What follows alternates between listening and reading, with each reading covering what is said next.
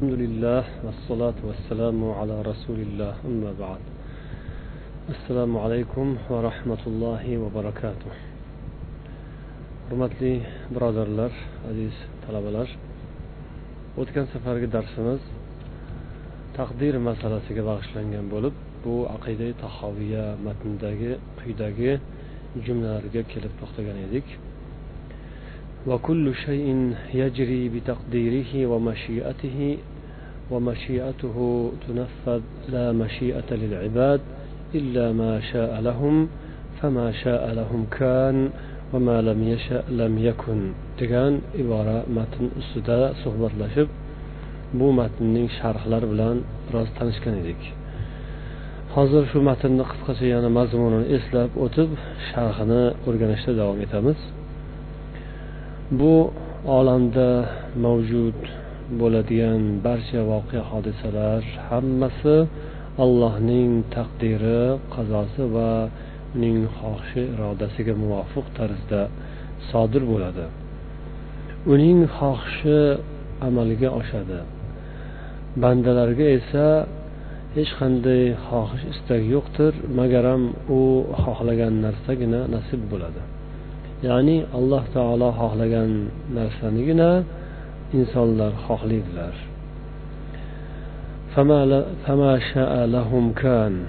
Alloh taolo bandalari uchun nimaniki xohlasa o'sha narsa bo'ladi. Nima narsani agar xohlamasa u bo'lmaydi. Demak barcha voqea sodir bo'ladigan voqealar hodisalar dunyoga keladigan yaratiladigan barcha maxluqot mavjudotlar alloh taoloning irodasiga muvofiq va mutobiqdir.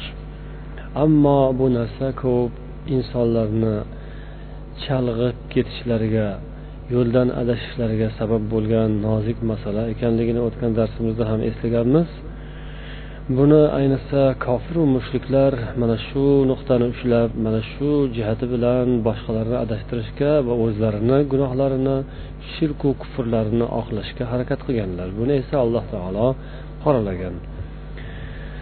Alloh taolo avvalda shayton alayhillanani ham mana shu o'rinda mana shu masalada u o'zini oqlab o'zini qilgan qilmishlari uchun allohning taqdirini ro'kash qilganini qoralagan edi hajr surasining o'ttiz to'qqizinchi oyatida alloh taolo aytadiki shaytonni mazammatida أعوذ بالله من الشيطان الرجيم رب بما أغويتني لأزينن لهم في الأرض ولأغوينهم أجمعين ey robbim sen meni adashtirganing tufaylidan sababidan men ham ularga yer yuzida barcha narsalarni ularning ko'zlariga chiroyli qilib ko'rsatib ularning hammalarini men yo'ldan adashtiraman. Albatta ana shu inson bolalarini odam bolalarini sen meni u tufaylidan adashtirgan eding endi men ularni adashtiraman. Ularni kuchim quvvatim boricha yer yuzida ularning ko'zlariga dunyoni molu davlatni va nafs xursand bo'ladigan narsalarni chiroyli qilib ziynatli qilib ko'rsatib ularni adashtiraman deganini qur'oni karimda tanqid qilib keltirdi. Ya'ni shayton bu yerda alloh taoloni aybladi. Sen meni adashtirding deb allohga iddao qildi. Mana shu narsani olloh bu yerda mazammat qiladigan. Demak bu boshqalarga ham ibratki qaysi bir inson agar o'zining hayotida sodir bo'lgan noxush voqeani ma'siyatni agar sen xohlading ey olloh sen qilding deydigan bo'lsa u ana shu shaytonning qatorida iblisning qatorida va mushriklar qatorida joy olib qolishi mumkinligi bu yerda eslatilyapti. Demak inson o'z xatosini o'zi bo'yniga olishi kerak. Albatta bu mavjud bo'lishi jihatdan yaratilishi jihatdan allohning xohishiga muvofiq tarzda sodir bo'ladi. Ammo inson o'zi bu narsaga sabab bo'ladi. Ko'pincha o'zining qilmishi sabab bo'lib yomon oqibatlarga kelib olib keladi. Xato kamchilik sodir bo'lganda faqat o'zi inson men xato qildim deyishi undan talab etiladi. Bu bandalik bu ollohning huzurida taslim bo'lishning sharti mana shudir. Bu o'rinda hazrati odam otamizni tutgan yo'llarini bizga alloh taolo qur'oni karimda eslatgan. Odam otamiz jannatda olloh taqiqlagan daraxtning mevasidan iste'mol qilib qo'yganlaridan so'ng yerga tushirilganlar. momo havo onamiz bilan yerda istiqomat qilishlarini olloh buyurdi ammo u kishi yerga tushganlaridan keyin onamiz bilan ikkovlari birgalikda qilgan xatolarini eslab tavba tazarrular qildilar afsusu nadomatlar chekdilar ربنا ظلمنا أنفسنا فإن لم تغفر لنا وترحمنا لنكونن من الخاسرين ey robbimiz biz o'z jonimizga o'zimiz zulm qildik o'z nafsimizga o'zimiz zulm qildik endi agar sen bizni mag'firat qilmasang gunohlarimizni kechirmasang va bizga sen rahm qilmasang biz butun umri bor butun vujudi hammasi ziyonga ketgan mag'lubiyatga uchragan odamlardan bo'lib qolamiz deb ular tavba tadarrular qildilar ba'zi rivoyatlarda ikki yuz yil yer yuzida allohga tavba qilib istig'for aytdilar ular bu kamchilikni o'zlariga oldilar biz xato qildik dedilar olloh ularning xatolarini kechirdi فتلقى آدم من ربه كلمات فتاب عليه إنه هو التواب الرحيم shunday qilib alloh taolodan odam istig'for aytish tavba tazarrular qilish kalimasini ya'ni ilhomini oldi allohning o'zi unga ilhom berdi unga istig'for kalimalarini olloh o'rgatdi ana shu kalimalarni aytib odam robbisi huzurida tavba tazarrular qildi Alloh shundan keyin uning tavbasini qabul etdi. Albatta u tavbalarni qabul etuvchi va o'z bandalariga mo'min bandalarga allohning huzuriga taslim bo'lgan bandalarga mehribon rahmdil zotdir deydi. Shunday qilib yuqoridagi o'tgan darsimizda eslaganimizdek muso alayhissalom bilan odam otamiz o'rtalarida bo'lgan so'zlashuvda ey bolam bu olloh yozgan narsani siz menga malomat qilasizmi ta'na qilasizmi? deganlarida taqdirni ham eslatgan edilar. O'sha taqdirni eslatishlari bu o'zlarini oqlash maqsadida gunohlarini oqlash maqsadida. Yana agar qo'yib bersa yana o'shanaqa qilib gunoh qilaveraman bu mani ishim emas bu mandan emas bu xudodan xudo shuni manga qildiryotibdi degan ma'noda emas. Balkim endi nachora men o'zim xohlamagan edimku shunday bo'lib qoldi. Olloh xohlagan edi shunday bo'ldi. Mayli olloh kechirsin tavba qildim degan mazmunda taslim bo'lib o'zini bo'yniga olib xatosini bo'yniga olib aytish bu bandalik bu esa mo'minlik alomati. Inson allohning huzurida taslim bo'lishi bo'ysunishi lozim. Bu olloh talab etadigan narsa. Gunohlariga tavba qilib musibatlarga esa sabr qilishi undan kutiladi talab etiladi. Qur'oni karimda yana alloh taolo mo'min surasida ellik beshinchi oyatida marhamat etadiki fasbir inna va'dallohi haqqun vastaghfir lidanbik sabr qiling allohning va'dalari albatta haqdir va gunohlaringizga mag'firat istig'for so'rang deydi. Shunday qilib bu taqdir masalasi allohning sirru asrorlaridan biri. Inson uchun buning mohiyati tegi tubi bilan bu masala namoyon bo'lishi mumkin emas. Allohu payg'ambar bildirgan o'rgatgan ilmlarini o'rganib ular bergan xabarlar bilan cheklanib ular taqdim etgan ma'lumotlar bilan kifoyalanish bu mo'minlik musulmonlikdir shuning uchun ham vahb ibn munabbih ismli tobeinlardan bo'lgan bu zotdan bir rivoyat qilishgan ediki u kishining so'zlari nazartu fil qadar fatahayyartu ثم نظرت فيه فتحيرت ووجدت أعلم الناس بالقدر أكفهم عنه وأجهل الناس بالقدر أنطقهم به men qazoyi qadar masalasiga nazar solib qarab hayratda qoldim keyin yana bir nazar soldimu yana hayratdan dong qotdim keyin qadar masalasini eng yaxshi biladigan odam bu borada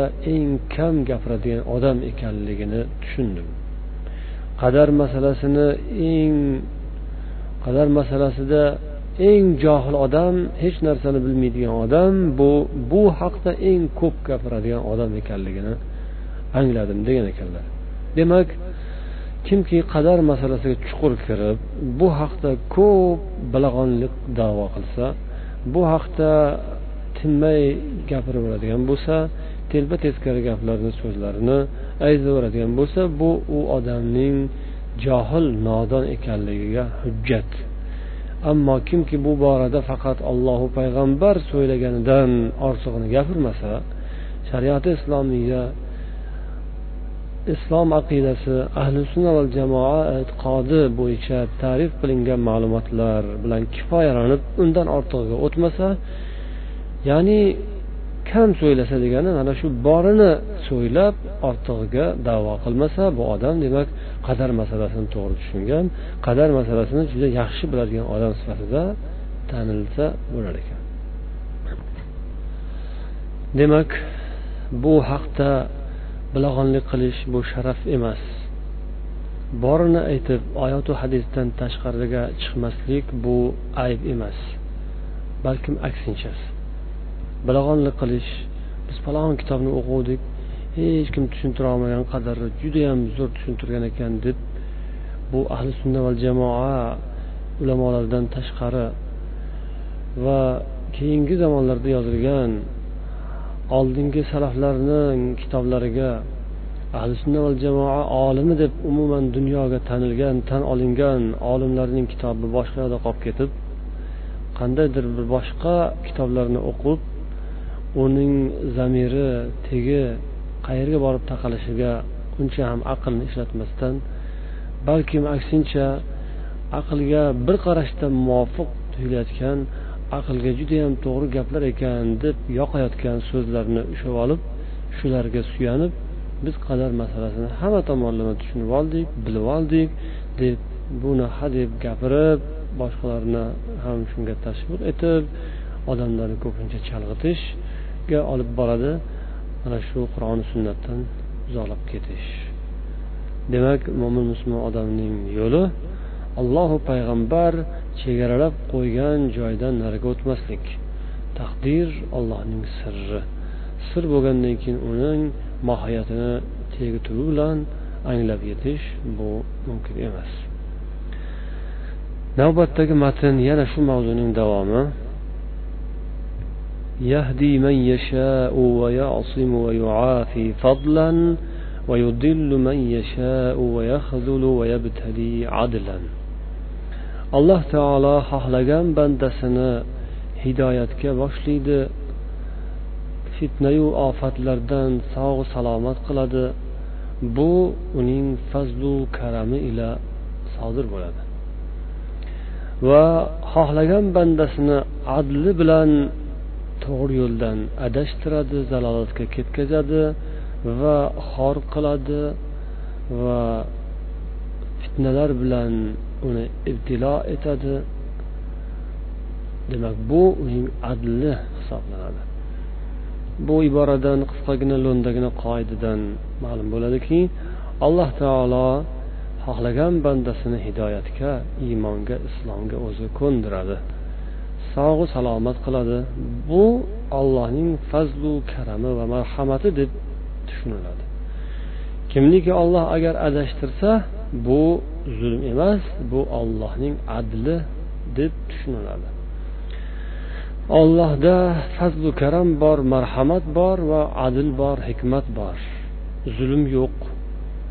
Bandalarga atayin mashaqqat atayin zulm qilish yo'q. Umuman allohda zulm yo'q adl bor. Mana shu ibora mo'taziliylarga raddiya. Ularning davolarini puchga chiqaradigan raddiya javobdir.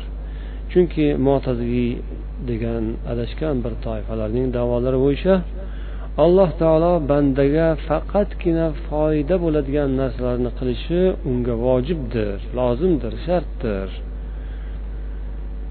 deydilar. Alloh taoloning ya'ni adl bilan adl sifati bilan bandani adashtirib yuborishi ham mumkin ekanligini ular ko'tara olmaydilar qabul qila olmaydilar. Yana aytish mumkinki hazm qilolmaydilar ular aytadilarki mo'taziliylar hidoyat ollohdan deyilgani bu to'g'ri yo'lni ko'rsatib qo'yishdir degani deb tushuntiradilar. Ya'ni biz aytamiz hidoyat ollohdandir ular ham shu qisqagina gapga qo'shiladilar. Ha hidoyat ollohdandir lokin bizning tushunchamizdagi hidoyat ollohdandir degan so'z bilan ularning so'zi o'rtasida yer bilan osmoncha farq bor. Biz hidoyat ollohdandir deganimizda qalbga hidoyatni solish iymon ato qilish bu ollohning ishi. Olloh xohlasa bo'ladi bo'lmasa yo'q deymiz. Ammo mo'taziliylar esa yo'q undoq emas. Hidoyatga ya'ni iymonga kelish insonning o'zini ishi. Inson o'zi xohlasa keladi xohlamasa kelmaydi. Ollohdandir hidoyat deganimizning mazmuni ollohdandir yo'l ko'rsatish degani bayon qilib tushuntirib berish xudoning ishi ollohning ishi. Olloh payg'ambar yuboradi kitoblar tushiradi to'g'ri yo'lni ko'rsatib qo'yadi. Bu ollohning vazifasi. Bandaning vazifasi esa hidoyatga kelish deydilar. Bu bir qarashda yengilroq o'ylagan odamga to'g'ridek tuyulishi mumkindir. Lekin bizga o'tgan darslardan ma'lumki agar biz shunday deydigan bo'lsak ya'ni hidoyatga kelish yoki kufrga ketish bandaning o'zidan desak olloh faqat yaxshilikni xohladiyu lokin bandasi yomonlikni xohladi kofirlikni xohladi shunday qilib bandaning xohishi amalga oshib ketdi. Allohning xohishi amalga oshmay qolib ketdi.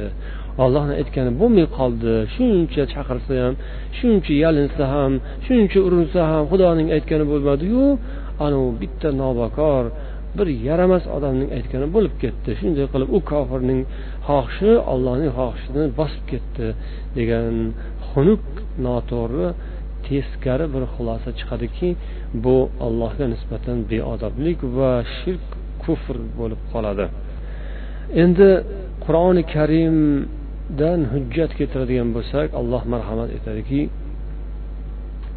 أعوذ بالله من الشيطان الرجيم بسم الله الرحمن الرحيم إنك لا تهدي من أحببت ولكن الله يهدي من يشاء bu qasas surasining ellik oltinchi oyatida alloh aytadiki siz o'ziz yaxshi ko'rgan odamni yaxshi ko'rib uni hidoyatga boshlay olmaysiz lokin aksincha alloh taoloning o'zi xohlagan bandasini hidoyatga boshlaydi. Mana bu gap mo'taziliylarning davolariga javob. Bu oyat javob. Payg'ambar alayhissalotu vassalom hayotlarida ba'zi bir insonlarni iymonga kelishiga juda qattiq harakat qildilar. Amakilari abu tolib eng yaqin kishilar edilar ko'p yordam bergan kishi edilar. Abu tolib payg'ambar alayhissalomni kofiru mushriklarni zulmidan himoya qilgan. Kofir mushriklar abu tolibdan hayiqar edilar. Shuning uchun ham payg'ambar alayhissalomga ko'pda ziyon yetkazishga qo'rqib turardilar. Abu tolib iymonga kelmagan bo'lsada lokin payg'ambarni himoya qilgan edi. Payg'ambar alayhissalom amakilarini iymon islom bilan musharraf bo'lishlarini judayam judayam xohladilar. Shu men o'zimga eshitadigan qilib bo'lsam ayting la ilaha illalloh muhammadu rasululloh deb men olloh huzurida sizni shafoat qilayin deganlarida ham abu tolib men bilaman bu yo'lni to'g'riligini lokin bu abu tolib oxir damda jiyanining diniga kirdi jiyaniga taslim bo'ldi degan gapni bo'ynimga olishdan or qilaman dedi.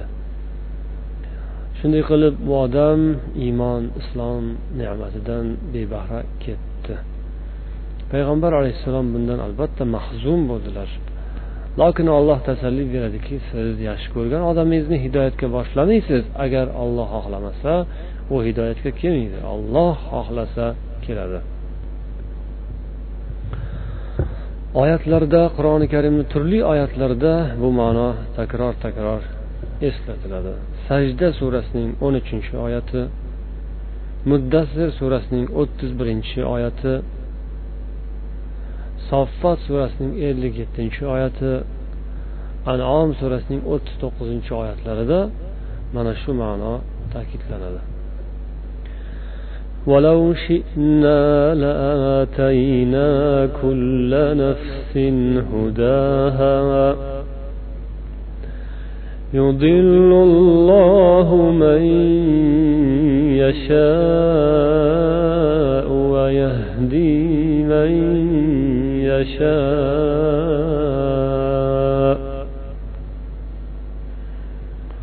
ولولا نعمة ربي لكنت من المحضرين.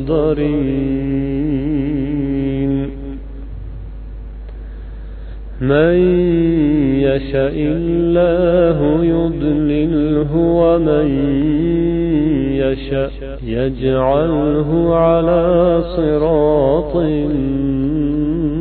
مستقيم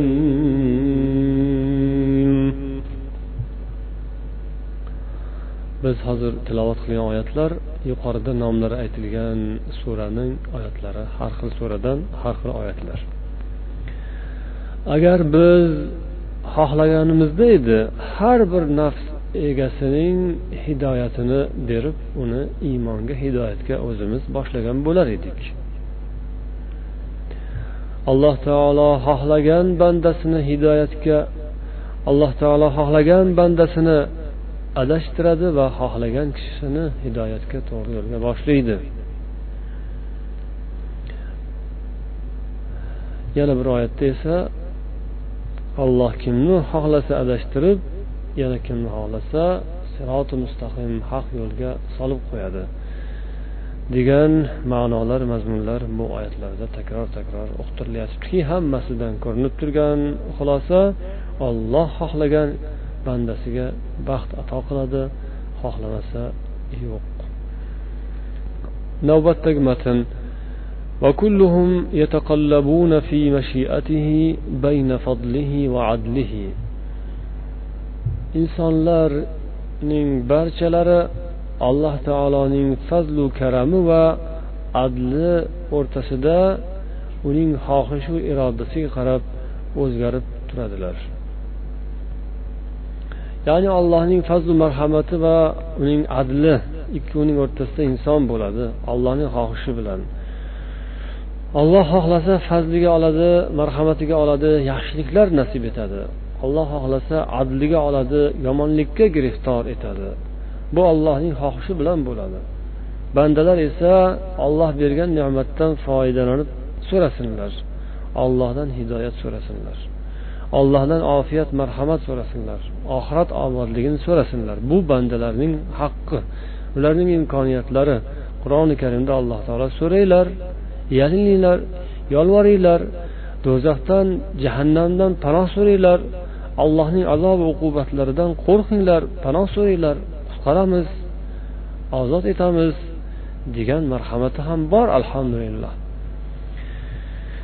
yana marhamat etadiki أعوذ بالله من الشيطان الرجيم هو الذي خلقكم فمنكم كافر ومنكم مؤمن u olloh shunday zotki sizlarni yaratdi sizlarning ishlaringizdan kofirlari bor va sizlarning ishlaringizdan mo'minlar bor demak alloh o'zi yaratdi kofir qilib yaratdi kimnidir mo'min qilib yaratdi. Iymon allohning fazli marhamati alhamdulillah deb unga olqishlar aytamiz. Alhamdulillah kim bizni parvardigor mo'minlar safidan joy ato qilib bizni mo'minlarga qo'shdi. Hamdu sanolar aytamiz. Kimniki olloh adashtirib uning joyini kofirlar safidan qilgan bo'lsa u allohning adli bilan bo'ldi uning bir hikmati bor uning zamirida qandaydir bir sir bor uni olloh biladi hamma holatda ham allohga hamdu sanolar bo'lsin. Bu qadar masalasini imom tahoviy o'zlarining aqida tahoviya kitoblarida bir joyda emas balkim bir necha joyda alohida alohida sochilgan holatda har xil joylarda keltirganlar shuning uchun ham biz ham shu dars mana shu kitob asosida qadar masalasini turli xil o'rinlarda eslaymiz yana inshaalloh boshqa darslarda kelgusi darslarda bu mavzu kengroq va boshqa yangi qirralari bilan batafsilroq talqin etiladi inshaalloh ko'ngillarimiz taskin topadigan qalblarimiz orom oladigan javobni shu qur'oni sunnat asosida ahli sunna va jamoa mazhabi ulamolarining talqinlari tavsiflari va ta'limlari asosida o'rganamiz va egallaymiz deb umid etamiz. Navbatdagi matn alloh taolo unga muxolif va teskari turuvchilardan va unga o'xshash narsalardan oliydir xolidir. Al abdad al abdad degan so'z diddun degan so'zning ko'plik shakli jami. Andad esa niddun degan so'zning ko'pligi jami. Diddun degani teskari degani o'zimizda ham zid degan so'z ishlatamiz. Mana bu gap falonchi odamga zid bo'ldi ana uning gapiga zid bo'ldi deymiz. Arabchada bu diddun did teskari degani. Alloh taologa teskari bo'lib uning hukmidan chiqib ketadigan uning irodayu xohishiga bo'ysunmaydigan xilof muxolif bo'ladigan hech narsa yo'q. Odatda zid teskari degani birov ikkinchi birovga teskari bo'lsa u teskari bo'lgan odamning so'ziga quloq solmaydi uni aytganini qilmaydi unga bo'ysunmaydi anavi odam ham buni bo'ysundirolmaydi o'zining ziddini teskarisini raqibini muxolifini yo'lga sololmaydi muxolif ham unga bo'ysunmay o'zicha xohlagan ishni qilishi mumkin. Bu narsa allohning esa mamlakatida bo'lmaydi. Allohning yaratgan bu mulkida unaqa zid turadigan allohning xohishi istagiga bo'ysunmaydigan o'zi mustaqil alohida bir dunyo bo'lib oladigan hech narsa yo'qdir. anniddu bu o'xshash barobar keladigan narsa u ham yo'qdir قل هو الله أحد الله الصمد لم يلد ولم يولد ولم يكن له كفوا أحد bu sura tavhid surasi deyishadi Ixlos surasi ya'ni dinni allohga xolis qilib qo'yadigan sura. Mana shu surada ham tavhidning muhim nuqtalari aks ettirilgan.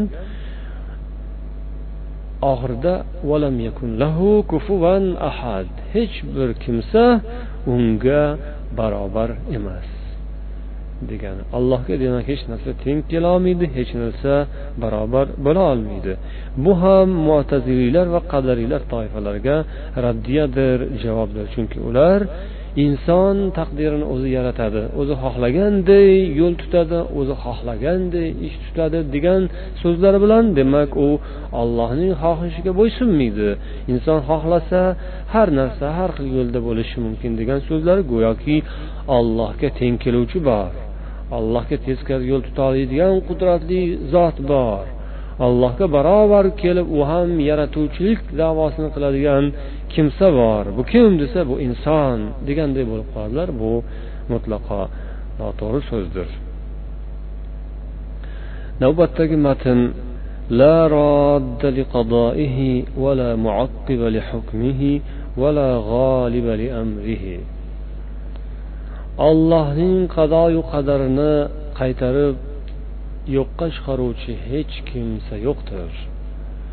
Va uning hukmini kechiktiradigan ham hech kim yo'qdir. Uning ishidan amridan ustun keluvchi biron bir zo'r yo'qdir. Demak allohning qazoi qadari yozib qo'yganini hech kimsa o'chirolmaydi yo'q qilolmaydi. Yo'q qilish u yoqda tursin kechga ham surolmaydi. Ya'ni endi yo'q qilishgaku bo'lmas ekan ha hech bo'lmasa sal kechroq bo'lsin sal nariroqda tursin bugun bo'lmasin erta bo'lsin nariroqda bo'lsin. Yo'q bunaqasi ham ketmaydi. Alloh taolo qachonga belgilagan bo'lsa o'sha soati kelgandan keyin